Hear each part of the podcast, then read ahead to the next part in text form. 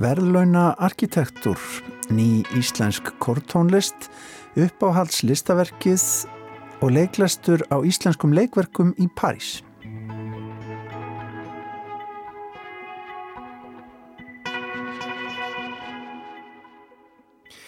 Í síðustu viku var tilkynnt hvaða verkefni hliti Mies van der Rohe verlunin, arkitektaverlun Európusambandsins árið 2019.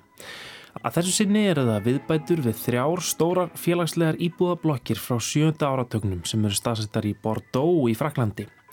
Rætt verður við Hildi Gunnarsdóttur, arkitekt, en hún hefur kynnt sér þetta áhugaverða sigur verkefni. Aðalbjörg Þorðardóttir, ABBA grafískur hönnuður og myndlistakona segir hlustendum í dag frá uppáhaldslistaverkinu sínu.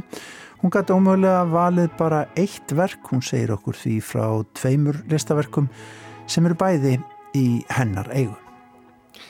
Einnig hljóma í þættinum nýleg kórlög Stengrims Þórhaldssonar við ljóð Snorra Hjartarssonar. En Kór Neskirkju hefur tekið í lagaflokk Stengrims upp á hljómdisk og verður útkomu hans fagnað með tónleikum í kirkjunni annan í páskum. En við ætlum að byrja á því að ringja til Parísar, ekki til að ræða um kirkjubrunnan hryllilega þar í fyrra dag, heldur til að forvittnast um leiklæstur á nokkrum íslenskum leikritum þar í borg. En Ragnæður Áskestóttir stendur fyrir honum næstu daga. Hún stóð fyrir slíkri háttíð á samt fyrirvændi manni sínum fyrir 15 árum í borginni en hún segir áhuga á íslenskri menningu hafa glæðist mjög síðan þá. Við slóum á þráðin og heyrðum af hátíðinni sem að fer fram í 13. hverfi borgarinnar og báðum Ragnhildi að segja okkur frá þessari hugmynd.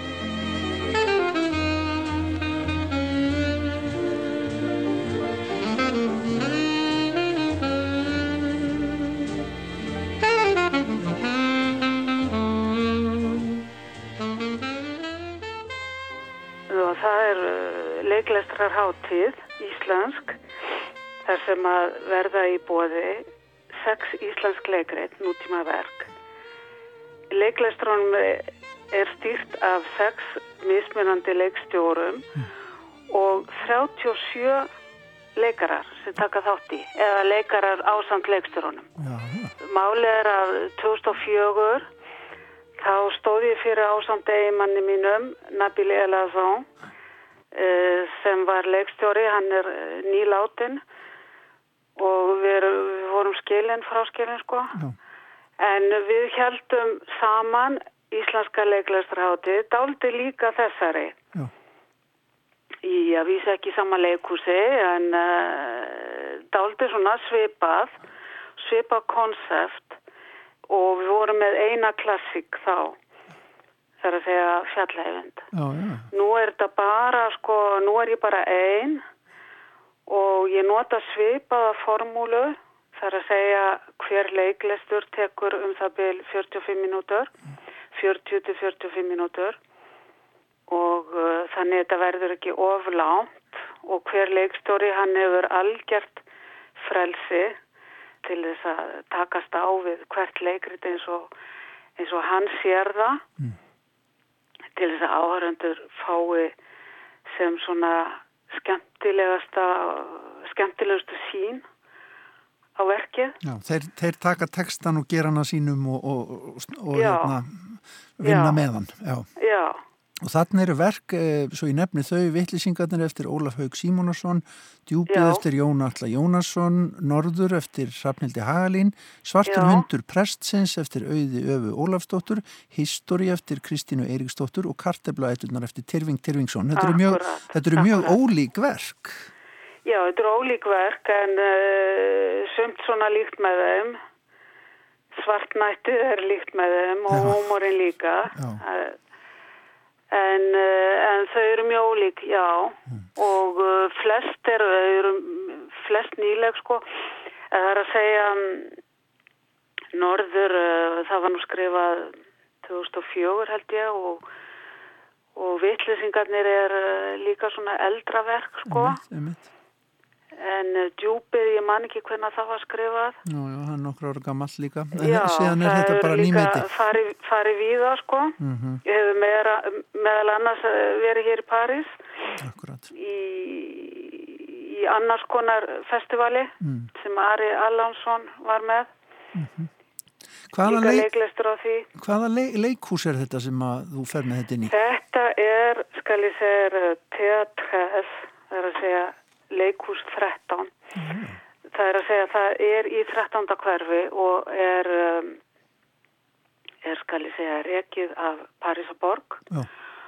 í hverju hverfi er eitt leikhús Já. það eru náttúrulega stór hverfin og uh, þetta leikhús þau eru tvö sem heita Teatres annað er í nýja hverfinu við uh, Metro uh, Bibliotek François Mitterrand. Og þetta var einhver tíman held ég var með sagt uh, jafnbreytastöð en það uh, sér nú ekki, sér maður ekki. En það er allavega nýlegt. Það er búið að er búið að gera þetta allt upp og gríðarlega hátt til oft og mjög skemmtilegu salur sem tekur 220 manns.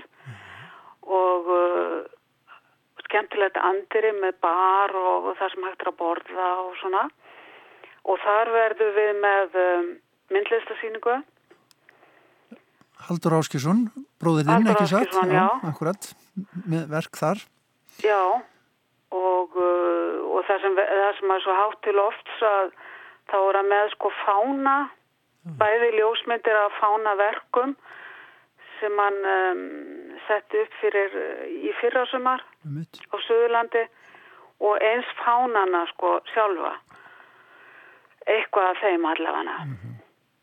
En segðu mér hvernig svona hvern, þessi tekstar þegar þú leggur þá í hendurnar á, á frönsku leikhúsfólki, leikstjórum og leikurum sko, hvernig eru viðbröðin? Hvernig líst þessu fólki á, á þetta saman? og ég hef nú komst að raunum það að allir bara uh, hvað getur maður sagt? Ég fyrir ekki að nota orði fíla. Fíla þess að texta ofsalega vel. Einmitt. svo sem uh, leikstýrir hérna kartublætunum Mm. hún var fyrst sko eftir fyrsta lestur var hún svona ekki alveg sko hún var svona hvert er, hvert er hann eiginlega að fara? Já. og svo eftir því sem hún las það oftar þeim hún hrypnari var hún Já, og það er oft enginn á góðum textum. það er akkurat sko og ein, það er að segja bara um eiginlega alla textana sko Já, hmm. já. Þannig að uh, en það fannst mér sko maður alveg geta verið með íslenska leiklestrarhátið vegna þess að þessir textar eru algjörlega sambarilegir við hérna við evrósk leikri. Já, og þetta eru textar sem að geta þess vegna já, farið ágætlega milli málsvæða og, og, Já, menn, og menningar algjörlega, Akkúrat. algjörlega. Geta alveg gengið sko hér eins og heima. Já. Ha, Nú vitum við, allir textarnir. akkurat, nú vitum við að sko áhugi á íslenskri menningu er gríðarlegur þarna aðeins austar í álfunni hjá þjóðverjum. Hvernig, eru svona, hvernig er stemmingin fyrir Íslandi hjá frökkum núna? Hefur, hefur tilfinningu fyrir því? Já, það er náttúrulega Íslandi búið að vera í tísku og lengi. Það er gífileg forvitni. Það er til dæmis miklu meiri, þið vita miklu meiri um landið heldur en sko 2004 Já. þegar við vorum með leiklestraháttíðana þá. Þú finnur mun? Já, og ofsalega margi búnir að fara eða er á leiðinni. Og, uh, og kannast við sko bókmentirnar Mm en það er búið að gefa út tölvöld mikið af íslenskum bókmentum á fransku. Þannig allt þetta náttúrulega glæðir áhuga þeirra. Fyrst var það bara landið náttúran en nú er komið líka, sko, líka menningin. Einmitt. Hún er líka farin að vekja aðbyggli. Fyrir auðvitað náttúrulega eins og tónlistina og, sem hefur náttúrulega verið svolítið lengi, sko. Akkurat. En þú ert á því að íslensk, íslenska sviðslistir og íslensk leikritun eigi fullt erindi út til, já, Evrópu. Já, ég er alveg á því sko. Já. Ha, og Og bara vonast þess að eitthvað þessum verkum rati á, á leiksveið. Já, það, mm. það væri nú aldrei skemmtilegt ef að það myndi, myndi Já, þróast ég þannig. segðu það nú, segðu það nú, segðu það nú. Já, já. En þetta hefst sem sagt núna í dimbilvíkunni ekki satt, hvenar er Jú, það sem að þið hefði núna leik? bara á fymtudaginn, Já, þá eru þið fyrsti leiklistur og eða sem sagt þrýr leiklistrar, fyrsti dagurinn og síðan á fyrstagi langa. Ég vil nú aðeins útskýra það að uh, þetta eru ekki frídagar hér í Fraklandi. nei, nei, eru Það eru sko, fólk er í vinnu og uh, skólanir eru á fullu af því að sko uh, Frakland er ekki er ekki tengt inn á sko kirkjuna. Nei, það er ekki, er ekki það er þessi sömu algjörlega- tengst millir ríkis og kirkju þar. Akkurat, Nei. akkurat og hérna og þess vegna ég veit að sko skólafríin þau byrja rétt eftir páska til dæmis. Já, já, En það er bara tilvílun ef það lendir inn á páskum. mm. Þetta eru bara venliði dagar. Já, einmitt. Ha. Já, en við fögnum því að Íslensk leikrundun sé að komast í leiklæstur þarna í þessari stóru og miklu borg í 13. hverfi. Já, Og og, biðjum- þetta er mjög skemmtilegt leikus Já, ég trúi því. og sem að sem að setur markið daldi hátt, Já. er orðið svolítið svona, já, breyða daldi úr sér og uh, það sem út fólk fær sérstaklega að spera sig. sko. Það er gleðilegt. Já, En bestu þakkir fyrir að segja okkur frá þessari háttíð og bara gangið er sem allra best og ykkur. hvað kæla fyrir?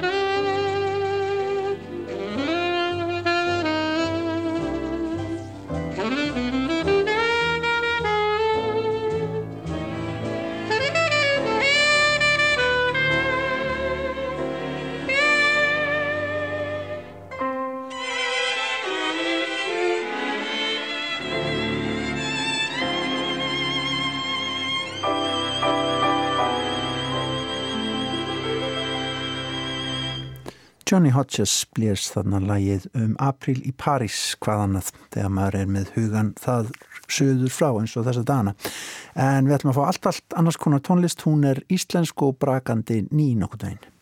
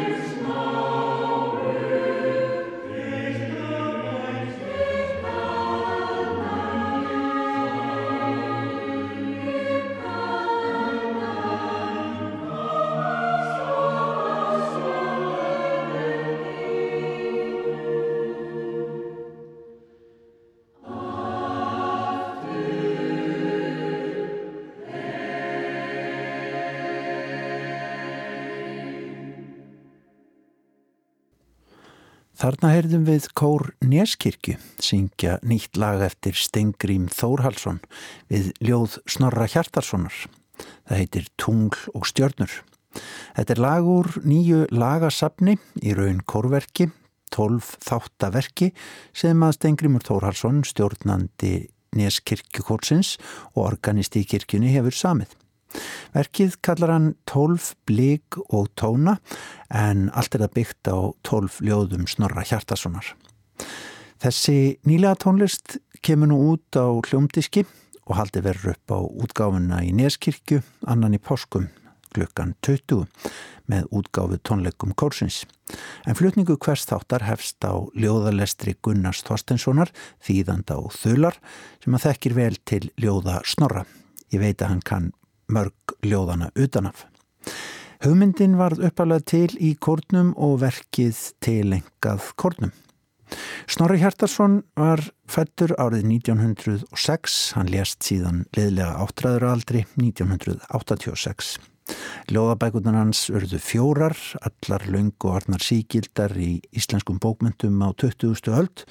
Það var langt á millið þeirra. Hvæði kom fyrst út á liðveldisárunu 1944, síðan á Gnitaheiði, Lauf og Stjörnur og loks Hauströkkrið yfir mér sem að kom út árið 1979 en fyrir þá bók fekk Snorri bókmyndaveljun Norðurlandaráðs árið 1981. Snorri er skáld náttúrunar og ástíðana, skáld litana og sólarinnar segir í texta frá Kornum í Neskirkju. Þetta með litina sem að þurftu að brjótast einhvern veginn út í sköpun snorra er merkilegt í ljósi þess að hann hefði allt eins geta lagt fyrir sig allt aðra listgrein, nefnilega málaralistina og hann hafði reyndar hug á því. Þessu lísti Snorri í viðtali sem til er hér í Sapni Ríkisútarsins og teki var viðan í þættinum Skáldið og Ljóðið árið 1958. Það rættu Njörður Pjernjarvík og Knútur Brún við Snorra og við skulum grípa niður í viðtalið þar sem að rættir um emitt málarlistina áður en að við fáum Neskirkjukórin til að syngja annað lítið lag af nýja disknum með verkunum hans Stengrims Þórhalssonar. Við bendum á útgáðu tónleikana klukkan 20 á annan í páskum.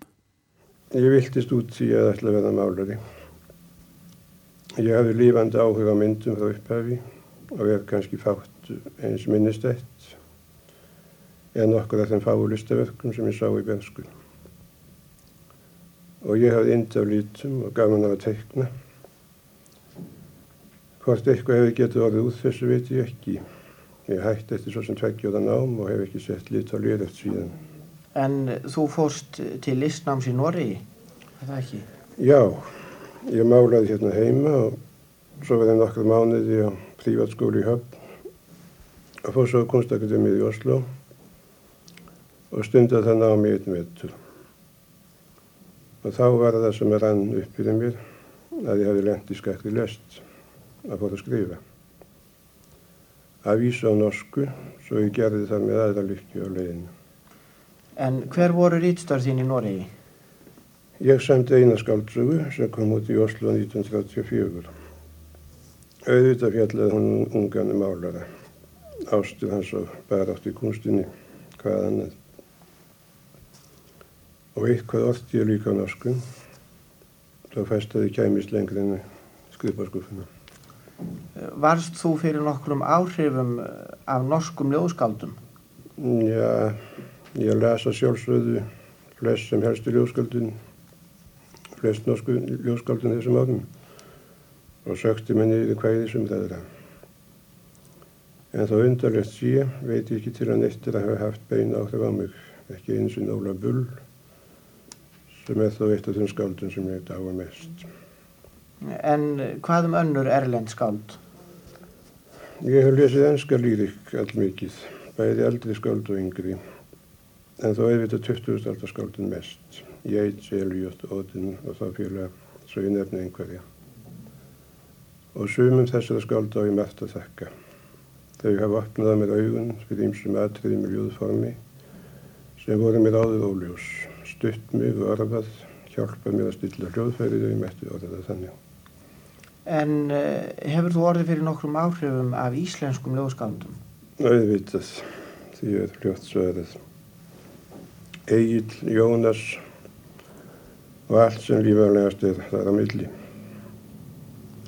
Þessi er kannski raunarlega lítinn stað, en svona er þann samt. Í barnesku var þjóðvísnarsafn Óla Stafíssonur, Víkiverður og Þurlur, eina mín kæristu bókunni hlýðin á Jónasakvæðum og viðlög og þurlubrót hafa lífað í mig síðan með sinn undarlega segðmagni. Síðan bættist við ettukvæði, skáldakvæðin, stóðskáldin á 17. öld og lengi mætti telja. Af öllu þessu hef ég áræðanlega left eitthvað. Enda hlutið af mér, líkt á tungan sjálf eða landið. Það slítur ekkert skáld tengslu við fortíðina, aðeins að býða þið tjón. Síst líka forti sem við eigum í þessum efnum. Mér finnst að skilda hvers nútíma skálds á Íslandi að kynna sér og gera sér innlýft allt sem best að við orðt á tungunni frá upphæfi til þessa dags.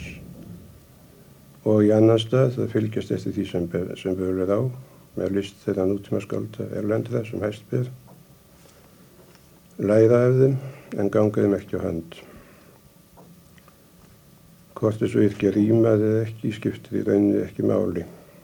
Þá mér finnist það undarlegt að vilja fyrir alla muni losna við sem flest hljóðfæri og orkestri ljósins eða staðis að geta greipið til allra möguleika sem hljóðformi býða yfir.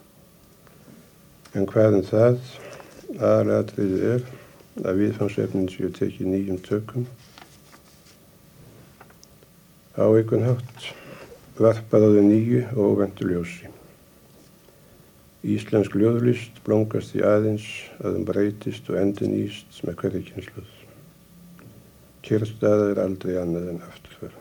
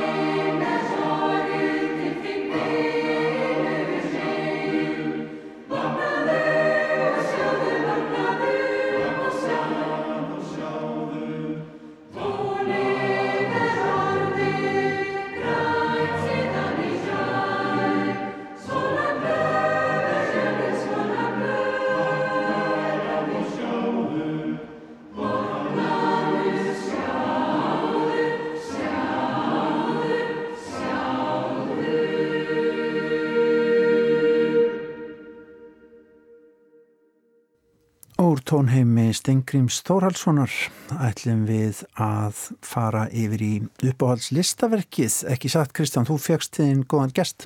Jú, emitt það komið að hinnum vikulega áskorunarleik hérna í Vísjá Hinnum æsispennandi. Æsispennandi. Í síðustu viku var það Kristín Gerstóttir bókasaps og upplýsingafræðingur sem að koma og saði frá sínu uppáhaldslistaverki sem var verkið hennar Rúriar frá Fennium og hún skoraði síðan á aðalbjörgu Þórðardóttur uppu grafískan hönnuð og myndlistakonu til að koma og segja frá sínu uppáhaldslistaverki og hún kom hérna og sæði frá en gatt auðvita eins og svo margir aðeirir ekki valið bara eitt. Nei. það er erfitt, erfitt að halda sig við reglunar Ég hef oft hugsað um þetta hvað ég myndi velja. Ég vona að vera ekki skora á mig aldrei bara. Við skulum heyra hvað hún Abba sagði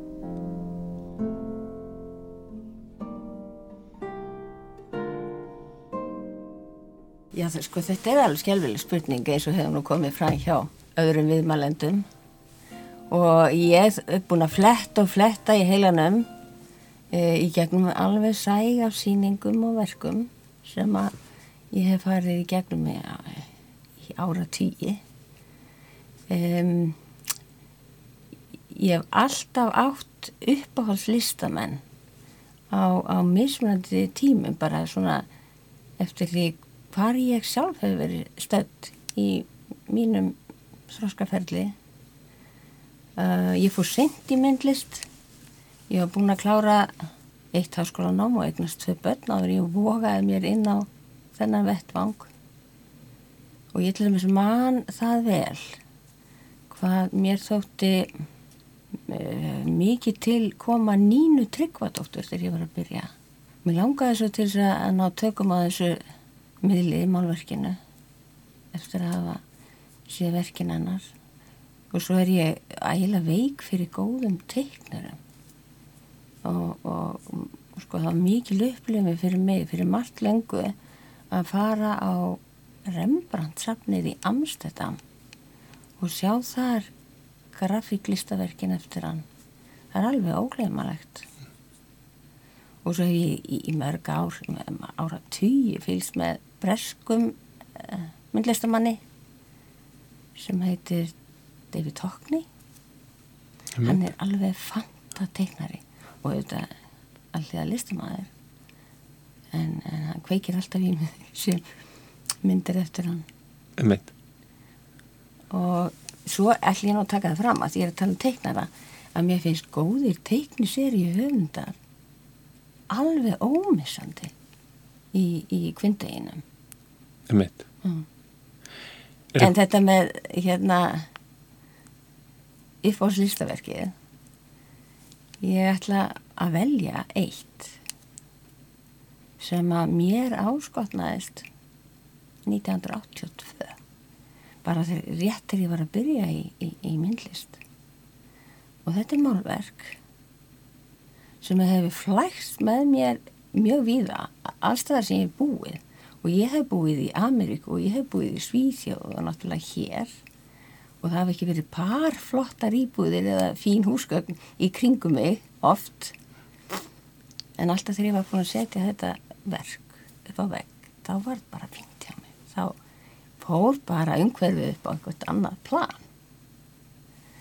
Um, en fórsagan þessa verks er svo að ég vann uh, verk fyrir Dr. Gunnlaug Þóðarsson þann merka mann um, og þegar því var lokið þá færðan mér þetta verk með, með svona áleitran á bakliðinni þessum stóð til frú aðalbjargar Þóðardóttur með þökk fyrir ágæta hjálp og óskum gæf og gengi í lífsins ólgu sjó og megi verki vera sem eilíf dögun.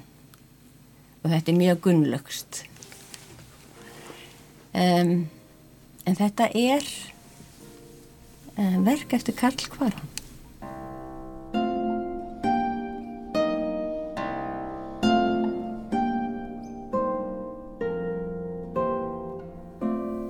Þetta er gvass, þetta er abstrakt verk mála með gvasslitum, sterkum, hreinum litum, gulir og rauðir tónar á móti bláum.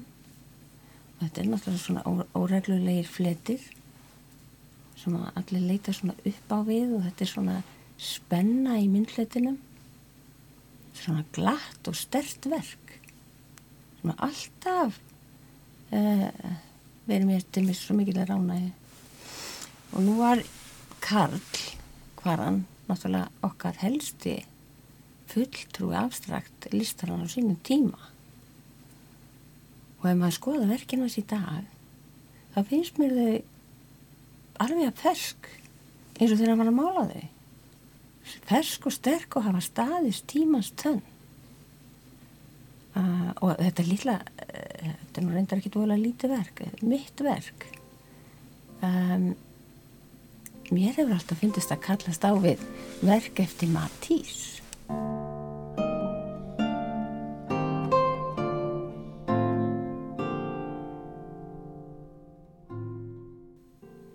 sem að hann gerði eh, á, á, í, í lókferilsins sem var svona klippiverk í hreinum litum um, og sko áhrifin af þeim klippiverkum hafa sérst í grafískri hönnun alveg í marga áratví svo þessi verk sko tala beint inn í hjarta á hönnunum en svo ætla ég að svindla og tala um annað verk sem er líka í minni eigu. Hann gaf mér það verk hann Þorvaldur Þorstins og myndlistamæður þetta er verk eftir hann og hann tilengar það hinn um óþægta listamanni og þetta er eftirbrendun þetta er eftirbrendun af blómi úr litabóka eftir börn, eða fyrir börn. Og þetta hefur náttúrulega margræða merkingu alveg eins og öll verkinnars og þarna er hann að vísa í síðin að leggja blóm á leiði eins óþægt að hermar mjög merklegt verkveist mér. Einfalt lætur mjög lítið yfir sig yfir sér. En þetta verk og hittverki mitt þau geta þetta snert við manni hvort á sinn hátt sem ég finnst þetta galdur góðra listar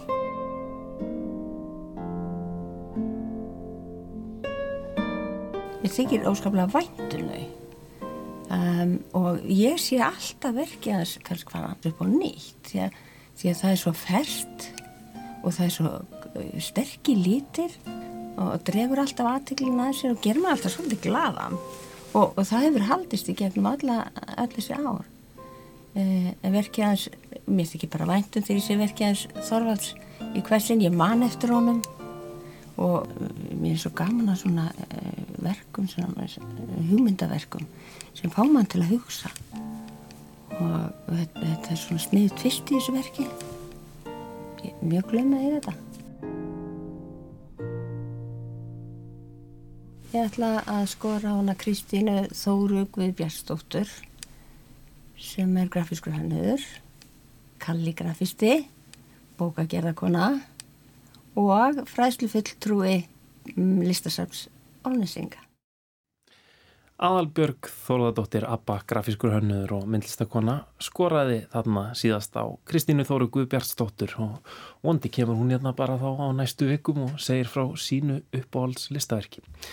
En eigum við ekki að heyra einhverja smá tónlist Guðni? Jú, við vorum að hlusta á kortónlist hér áðan og við ætlum að halda því áfram, reyndar fara úr íslenski kortónlist yfir í enduristnar snildina alla saman sem eru auðvitað til í bunkum. Við grípum niður í verk eftir spænska tónskaldið Thomas Luis de Victoria sem var uppi á árunum 1548 til 1611 og þarna er verið að syngja úr píslasögunni. Það eru auðvitað mikið tekið þessa dagana að hlusta á kóruverk sem að tengjast píslasögu Krists og þarna eru öldungarnir að velta fyrir sér því hvað eigi að gera við Krist. Við skulum bara leggja við hlustir. Þetta er Tallis Skólars kórin sem að syngur hér undir stjórn Peter Phillips.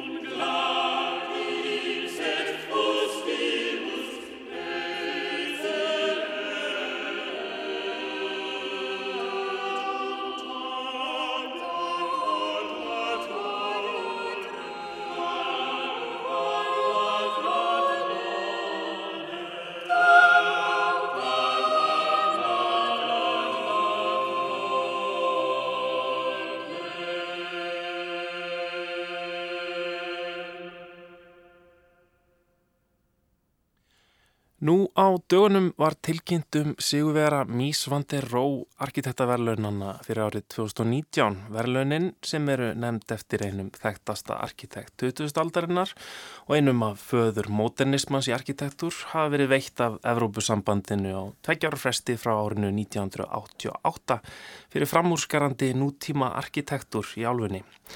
Meðal fyrir veluna hafa eru Pítur Sumtór, eh, Rem Kúlas, Snóhetta, David Chipperfield og árið 2013 siguruðu svo Henning Larsen arkitektar og Ólaður Eliasson auðvitað fyrir hönnun hörpunar og á fjórða hundrað verkefna viðsvegar úr álfunni voru tilnæmti verðlaunana í ár. En nú í síðustu viku var tilkynnt hvaða verkefni hliti verðlaunin og aðval verðlaunin að þessu sinni hlutu frönsku arkitektastofunar Lagatón og Vassal á samt Kristoff Hútín arkitektum fyrir endurbætur á 530 félagslegum íbúðum í Bordeaux, þremur blokkum sem byggðar voru á sjönda áratögnum og áallad hafði verið að rýfa. Yfirleitt hafa þetta verið áberandi og mikilfenglega nýbyggingar sem hafa hlotið náð fyrir augum domnendarinnar en þetta er í annað skipti sem slikt endur hönnunarverkefni lítu velunin og reyndar annarskiptið í röð því árið 2017 voru velunin veitt fyrir endurbætur á íbúðablokkum í útjæðri Amstedam. Og í báðum þessum verkefnum var mótinískum íbúðablokkum frá 7. og 7. áratögnum bjargað frá niðurrifi með endurhönnun eða viðbótum sem gerða þær íbúðahæfari fyrir nútíma fjölskyttur. Hildur Gunnarsdóttir, arkitekt, er hinga komin. Hildur, þessi verlaun núna í ár, verlaunaveiting, hún kannski segir okkur eitthvað um stöðuna í Evrópu núna, þar sem að kannski þessi um, íbúðablokkir mótinísku íbúðablokkir eftir strísa árun eru kannski að verða bara svolítið úr sér gengnar eða hvað? Uh, jú, hún geti gert það uh, það er líka sagt, með mísandi róvelunum sem eru til þess að heiðra einstakt byggingaverk sem skara þá fram úr öðrum, öðrum byggingaverkum í Európu eins og sæðraður að þá eru rauninni kríterjunar eru þá hugmyndafræðilegar, félagslegar, menningarlegar og tæknilegar og velunin eru til þess að vekja aðtikli á gæða arkitektúr og framlag hans til velferð borgarana og sjálfbára þróunar, euróska borga, bæ og þorpa eins og segir í lausleiri þýðingu mm -hmm. á heimasíðinni. Þannig að það eru marga borgir í Európu sem eru með svona stórar byggingar eftir stríðs árana félagslegar íbúðir sem eru þá eins og segir svolítið þurfandi fyrir endur nýjun mm -hmm. og það hafa verið hérna, sérst í ljósið þess að að, að sérst að arkitektur er, er líka sjálfbær og góður arkitektur er þá með þau markmiðalega ljósi að þá hefur verið svona tendens undarfarið að reyna þá að endur nýta frekarinn að rýfa niður. Ég veit og það er einmitt ánægilegt að sjá að, að þetta verkefni var valið til þessara vel, veluna þar sem að er verið að taka í gegn í rauninni svona svolítið úr sig gengið eh, þrjár stóra blokkir í Bordeaux mm -hmm. með 530 mhm. íbúðum samtals og það er verið að bæta gæði íbúðana Einmitt. mjög hérna, ákveðið, getur maður mm -hmm. sagt með því að bæta við hérna það sem við kalla svona vetrargarði, wintergardens, stórum svölum, mm -hmm.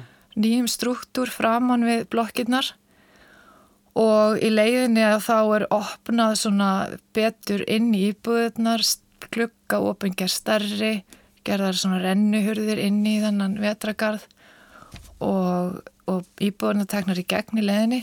Þannig að markmiði var að bæta gæði íbú, íbúanna á meðan þeir byggu íbúðunum. Einmitt. Þannig að á meðan þessar endurbætu fara fram þá, þá er fólk bara í íbúðinu sínum og það þarf ekki að flytja út eða eitthvað slíkt. Já, já, og það er náttúrulega mikil spartnaður sem fælst í því og nýting fjármunana var mjög markvis og, og góð í þessu verkefni þar sem þeir voru allir nýttir í þá að, að bæta íbúðunar mm -hmm. og, og þá hérna tók þetta lasið mig til um viku að raunina að byggja upp svaletnar fyrir fram að hverju einu íbúð og skipta út klukkum mm. og einhverja tvær vikur inn í hverju íbúð fyrir sig að endur gera baðherbyggjar aflagnir og, og eldurs. Ég meit. En þetta er náttúrulega sko einhvern nátt líka svona einhver mótinísk hugmyndafræði að því að það er verið að nota þannig einhverja svona forsmíðaðar einingar og, og, og hérna, þannig að þetta tekur bara mjög stuttan tíma, kostar kostar lítið og meða við um, já, um, hugmyndir hafðu verið um að rýfa þessi hús bara alveg niður og, og, og byggja upp á nýtt. Já, það er einmitt svolítið skemmtilegt. Þetta er svona svolítið þessi modernistiska hugsun að fjöldaframlegslu og, og stöðluðum einingum sem er í rauninni nýtt áfram þarna til þess bara í rauninni að endur gera og endur bæta það sem fyrir er. Mm. Einmitt. En, en á sama tíma þá náttúrulega líka sko samt gjör breytir þetta ásýnd þessara blokka sem á voru svona eh, steiftar í raunni og, og þannig er allt í raun komin þessi, þessi gler um, framhlið einhvern veginn á, á íbúðunar hvernig svona, svona fagfræðilega hvernig finnst þér þetta persónulega?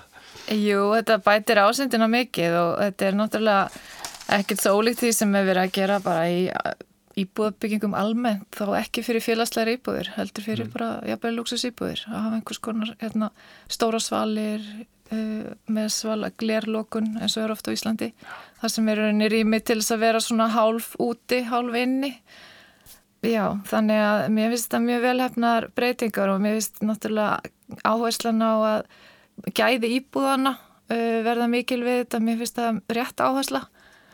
Og þetta er oft gert í þessum verkefnum í Európu til þess að halda í íbúa sem eru kannski segja, sterkir íbúar sem vilja vera aðna áfram af því að þegar uh, þessi íbúakomplex uh, eh, lendur kannski í, í, í mótvindi á tímabili að þá var það til þess að þeir sem að gátu þeir fluttu úr hverfunum en þeir sem er rauninni gátu ekki farið sögum fjárhærslegar uh, mm -hmm. fjárhærslegar atriða eða, eða félagslegar eða hvað það nú var að þau eru það áfram þannig að það var svona með til þess að, að hverfinn fóru svolítið í niðuníslu en, en með þessum aðgerðum og þá hefur verið að reyna spórna við þessari þróun það hefur verið að halda í þá íbúa sem að geta kannski haldið upp í góðu félagslegu lífi og í rauninni sterkum samfélögum á mhm. staðunum mm -hmm. og höfða til annara til þess að koma Ymmiðt, ymmiðt og, og það er náttúrulega haldið, haldið í þá með,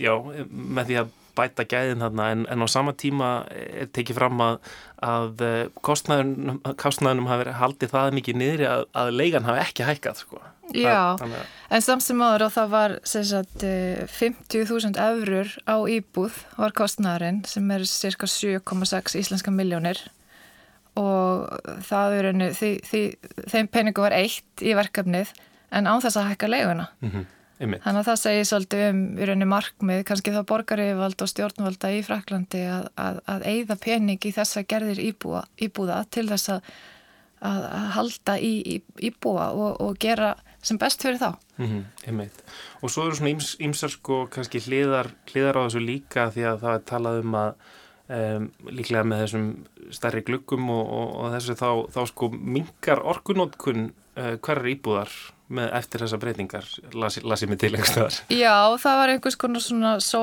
sólarhittun, er þið nýtt út frá svona svölum, ég átti að mikið alveg nákvæmlega hvernig það var en það, mm. það var einhvers konar einmitt spartnaður sem að fólst í því mm -hmm. og, og þá var einmitt peningur frekar nýttur í að gera þessa svalir heldur en kannski einangra að utan og, og eigða peningurum í svona, svona vennjulegar endurbætur eins og hafa kannski verið gert, gerðar áður. Mm -hmm. Einmitt. En hvernig sko, kallast þetta á við það sem hefur í gangi hér á Íslandi? Við auðvitað þekkjum að mikið af sko, þessum félagslegu íbúðum uppalega eru þær byggðar til þess að vera ódýrar og vera litlar og, og svona, veist, hérna, verkamannabústaðarnir, það eru komna íbúðinir og ansi, ansi litlar fyrir núntíman kannski Um, breiðholtið byggist upp á svipum tíma og þessar blokkir. Mm -hmm. hvernig er svona staðan? Eru við að glýma við einhver svipuð vandamál hér á landi með þessar litlu íbúðir?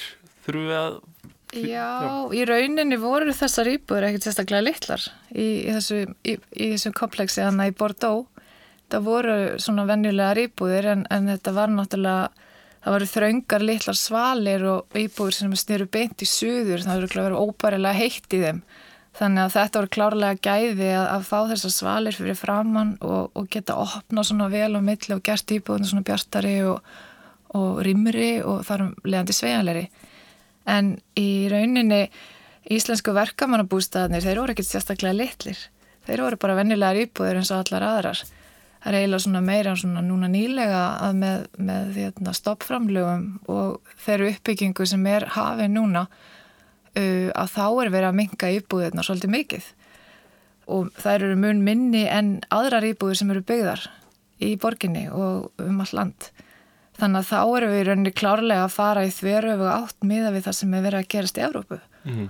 og kannski sem að í rauninni Európabúar eru að læra betur reynslu í þessum byggingum sínum og eru að reyna endurbæta í dag með það að gera þær bjartari og opnari og, og bara betur hannari og skemmtilegri að þá förum við svolítið í hináttina mm -hmm.